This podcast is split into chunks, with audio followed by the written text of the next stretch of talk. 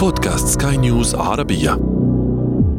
عالمهم عالمنا صحراء غابات المحيطات والبحار مليئة بالكائنات ولا غنى عن أي كائن في البيئة للحفاظ على عالمهم وعالمنا.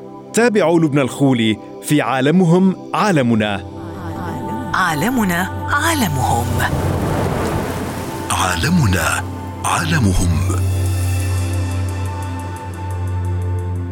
الأرض تتنفس. كوكبنا لديه العديد من الرئات وبدونها لن يكون هناك حياة لكل الكائنات الحية. انظر من حولك وتأمل. مساحات شاسعة للبحار والمحيطات. مساحات كبيرة من الغابات وجليد في القطبين الشمالي والجنوبي. نظرة بتأمل. لما كل هذه المساحات وكيف ستعود بالنفع على الإنسان وكل مخلوقات الأرض من نبات وحيوان وحشرات وطيور كيف يحدث ذلك؟ فقرة هل تعلم؟ هذه الرئات لحماية الإنسان من نفسه. طموحات الإنسان مع التطور التكنولوجي والتقدم الصناعي من غازات الصناعة وغازات الاحتباس الحراري أو من غازات وسائل المواصلات الحديثة وعلى المدى القصير والطويل على الحياة بأكملها على كوكب الأرض. فقرة باختصار المحيطات والبحار بعيدا عن أهميتها الاقتصادية والعلاجية وثرواتها السمكية إلا أن المحيطات توفر كمية هائلة من الأكسجين في الغلاف الجوي. بنسبة تزيد عن 50% وتقوم بتخزين ثاني أكسيد الكربون. لذلك المحيط جعل الأرض تتنفس. عالمنا عالمهم. عالمنا عالمهم. أهلا بكم متابعينا ومستمعينا في هذا البرنامج. عالمهم عالمنا وحلقة اليوم ستكون عن رئات كوكب الأرض. وسيكون معنا ضيفنا الكريم الدكتور نادر نور الدين أستاذ استصلاح الأراضي والمياه. أهلا بك دكتور نادر. نتحدث اليوم في هذه الحلقة عن رئات كوكب الأرض. نتحدث عن البحار والمحيطات وغيرها من الرئات التي تمثل عامل حيوي وشريان حياة لكوكب الأرض ولكل الكائنات الحية. إذا بدأنا بدور أو الحديث عن دور البحار والمحيطات وسر التواجد لها على كوكب الأرض. أهلا وسهلا بحضرتك. طبعا هو الإنسان زي ما هو له رئة يتنفس منها أي تعطيه تستخلص الأكسجين من الهواء الجوي وتخرج نواتج التنفس اللي هو غاز ثاني أكسيد الكربون.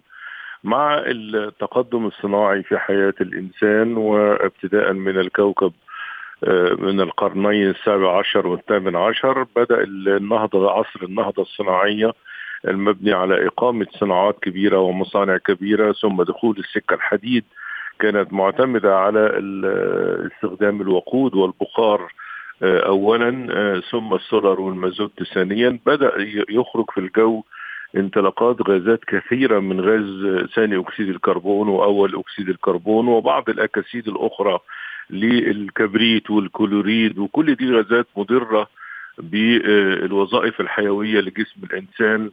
نحتاج إلى تخفيض مثل هذه الانبعاثات الغازية بالإضافة طبعا إلى نواتج تنفس كل الكائنات الحية كل الكائنات اللي ربنا خلقها بتتنفس الأكسجين وتخرج ثاني أكسيد الكربون سواء الإنسان أو النبات أو الحيوان أو حتى الكائنات المائية بتستخلص الأكسجين الزائد في مياه البحار والمحيطات. ومع توالي الزمن وتقدم الوقت بدأت ومع أيضا التنمية الصناعية والثورة الصناعية بدأ الإنسان يشعر أن هناك تغيرات في المناخ تغيرات في درجة حرارة الجو إن الحرارة أصبحت أعلى في احترار عالمي بدأ يحصل. بدأ الإنسان يتابع كمان البحار والمحيطات لأن نسبة الحموضة في البحار والمحيطات بتزيد الأسماك بتقل وبيجي لها أمراض تتسلخ جلودها وتموت. فبدأ الإنسان يعي أن هناك شيء خطأ بدأ يحدث في الكون. بسبب طموح البشر والنشاط البشري.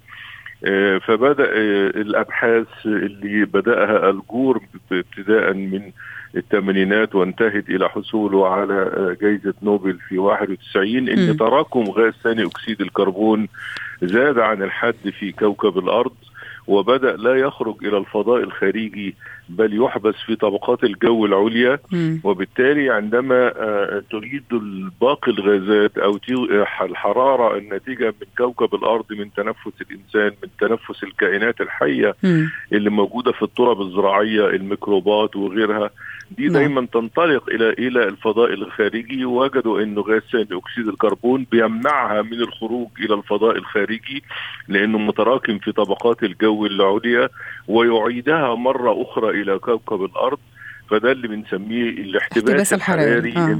إن بدأ الإنسان بقى يدرك أن هناك رئات موجودة يعني خلقت لكي تساعد الإنسان على إعطائه الأكسجين وامتصاص غازات السامه زي ثاني أكسيد الكربون وأول أكسيد الكربون وباقي الغازات. يمكن أول الرئات الموجودة لا. لخدمة الإنسان آه. على كوكب الأرض هي البحار والمحيطات. والمنطقة في القطبين الشمالي والجنوبي. ثلاث رئات ربنا خلقها لكوكب الأرض المحيط البحار والمحيطات. تليج القطبين الجنوبي والشمالي. التليج نفسه وليس القطب. م. وبعدين الغابات بمساحتها الشاسعة وحكمة وجودها. فالبحار والمحيطات بتمثل لو قلنا من مساحة كوكب الأرض بتمثل 75% من مساحة كوكب الأرض و25% فقط للقارات الخمسة الموجودة على كوكب الأرض بالنسبة. لمجموع المياه على كوكب الأرض نستغرب أن المياه المالحة 97.5% بينما المياه العذبة لا تزيد عن 2.5% فقط من إجمالي المياه إذا هناك ضخامة كبيرة في وجود المياه المالحة. آه لم نكن نفهم آه لماذا آه سيادة للمياه المالحة وقلة في المياه العذبة. إلى أن بدأنا نعرف الحكمة مم. أن البحار والمحيطات موجودة بمثل هذا الحجم الشاسع لها عدة فوائد آه. أولا أنها تجعل الحياة على كوكب الأرض محتملة بمعنى أنها تمتص اولا 95% من إجمالي حرارة آه. الشمس الواصلة م. إلى كوكب الأرض م. وبالتالي ده 95% بتمتصها الحرارة بتاعت كوكب الأرض وإلا أصبحنا مثل كوكب الزهراء الذي يسبقنا في المجموعة الشمسية م. ووصلت درجة حرارة كوكب الأرض إلى 100 درجة مئوية إذا إنه لا يصح للعيش آه.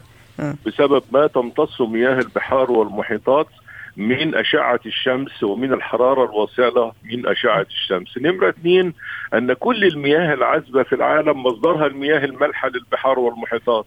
لأن هذا المسطح الهائل الذي يستقبل أشعة الشمس تتبخر منه المياه وبالتالي تبدأ تتساقط على كوكب الأرض فتكون منابع للأنهار أو. تكون أيضا منابع للسلوك تسيل مع بداية فصل وتكون الربيع الانهار منابع للأنهار.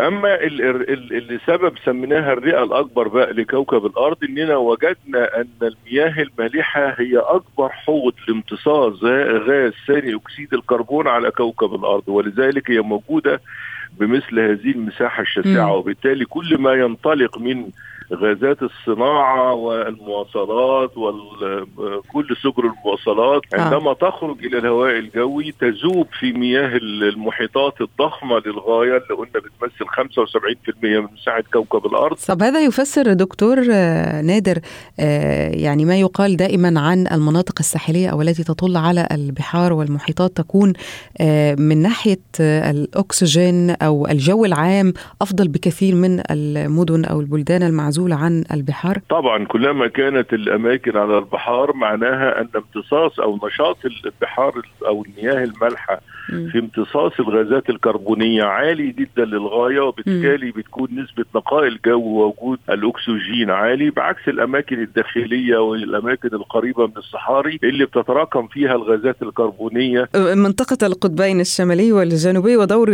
الجليد تحديدا كما ذكرت دكتور نادر. ما فائدة وجود القطبين الشمالي والجنوبي وكل هذه الكميات الهائلة من, من الجليد المتراكم؟ وكنا نظنها مناطق خاملة وكنا نظنها مناطق تبعد ال- طبعا غير مأهولة بالسكان مم. إلى أن بدأنا نكتشف أن غاز ثاني أكسيد الكربون اللي هو سبب الاح- الاحتباس الحراري كما أوضحنا مم. إنه إزاي بيرد ال- ال- الحرارة الخارجة من كوكب الأرض نتيجة لتنفس الكائنات الحية إلى الداخل مرة أخرى ويمنع خروجها إلى الفضاء الخارجي آه، بدأنا آه، نكتشف إنه غاز ثاني أكسيد الكربون هو الغاز الوحيد مم. اللي بيزيد ذوبانه بانخفاض درجة الحرارة ده الوحيد يمكن ده المواطن العادي يقدر يلاحظه بسهولة مثلا مم. في المياه الغازية انه المياه الغازية دي عبارة عن ببساطة كده مية بسكر ولون وشوية صمغ وبعدين مفخوخ فيها غاز ثاني أكسيد الكربون آه بشده اللي إحنا بنسميه ال- الصودا الصودا، أو آه. اللي هو بسببه سميت المياه الغازية آه أي أنها تحتوي على هذا غاز. الغاز هو غاز ثاني أكسيد الكربون آه ببساطة كده المواطن لو سحب إزازة آه، مياه غازية غير باردة وجي يشربها هيحس إن مفيش طعم إلا مية بسكر بس إنما صحيح. مفيش غازات مفيش الطعم الجميل. مم. إنما لما يخرجها باردة من البرادات يبدأ يشعر بإن الطعم تحسن كثيرا. مم. لماذا الطعم تشبيه تحسن رائع كثيراً؟ دكتور نادر. آه فعلا. ليه ت- ليه إن الطعم تحسن؟ لزيادة آه. ذوبان غاز ثاني أكسيد الكربون مع انخفاض درجة الحرارة. ست البيت تشعر في البيت ظاهرة بنسميها براد الشاي تجدي بعد المدة إن الجزء ال- اللي فيه ال- ال- اللي أنت بتحط فيه المية الجزء الاسفل من الإناء. بدأ يسمر والجزء اللي فوق ما اسمرش ده ليه؟ لأنه المية لما بتسخن يبدأ بقى ثاني أكسيد الكربون يترسب على جدران الإناء. مش عشان لون الشاي مثلا أو لون القهوة أو بسبب إنه ال- ال- ال- الغاز اللي دايب في المية هو غاز ثاني أكسيد الكربون وأملاح حامض الكربونيك. إنه غاز ثاني أكسيد الكربون الغاز الوحيد اللي بيزيد ذوبانه بانخفاض درجة الحرارة. وبالتالي بدأنا نعرف قيمة القطبين.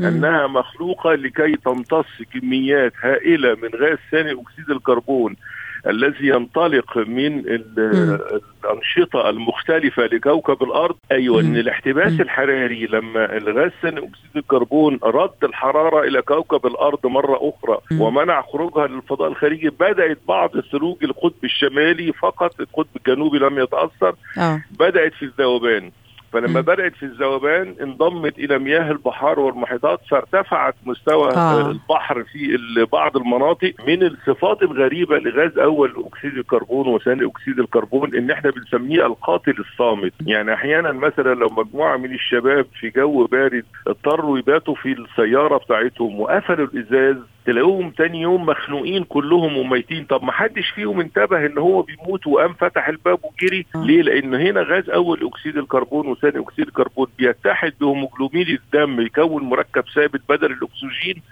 فيبدأ ال ال ال الإنسان يشعر إنه بيروح في النوم مش إنه بيموت.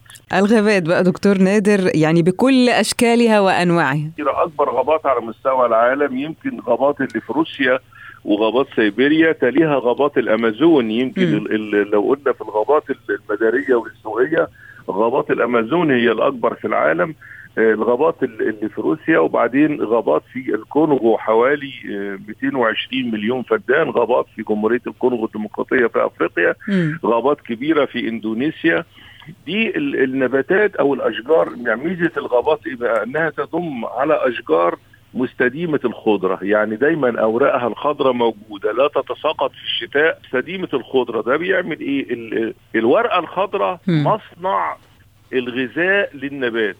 وفي نفس الوقت هي التي تتعامل مع أشعة الشمس فتمتص غاز ثاني أكسيد الكربون مع أشعة مم. الشمس دي عملية بنسميها مم. عن طريق المادة الخضراء اللي بنسميها الكلوروفيل دي بنسميها التمثيل الضوئي مم. إنه آه، القدرة الإلهية بتخلي ورقة النبات دي تمتص غاز ثاني أكسيد الكربون تتحد مع حرارة كوكب الشمس فتبدأ تدي المادة الغذائية سواء كربوهيدرات أو. بروتين أو سكريات للنبات فإذا هي امتصت كميات كبيرة اولا من غاز ثاني أكسيد الكربون. وفي نفس الوقت ناتج التفاعل إنها تطرد كميات كبيرة من غاز الأكسجين. آه. إن ورق النبات الأخضر هو مصنع متكامل لامتصاص غاز ثاني أكسيد الكربون طوال فترات النهار. نشكرك جزيل الشكر دكتور نادر نور الدين أستاذ آه، استصلاح الأراضي والمياه. شكرا لك. شكرا جزيلا. شكرا.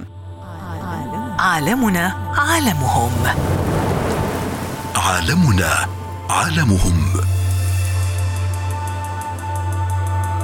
فقرة قصصهم منذ أقدم العصور يذكر في الروايات والكتب أعالي الجبال والبحار والمحيطات ومغامرات الغابات ومع عصرنا هذا تناولت السينما مغامرات البحار. ومن أشهر الأفلام تايتانيك الذي تناول قصة سفينة غرقت في المحيط وقصة أخرى The Old Man in the Sea وغيرهم من القصص. كان معكم في هذه الحلقة في الإعداد والتقديم لبنى الخولي. انتظرونا في عالمهم عالمنا.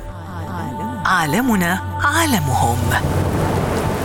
عالمنا عالمهم.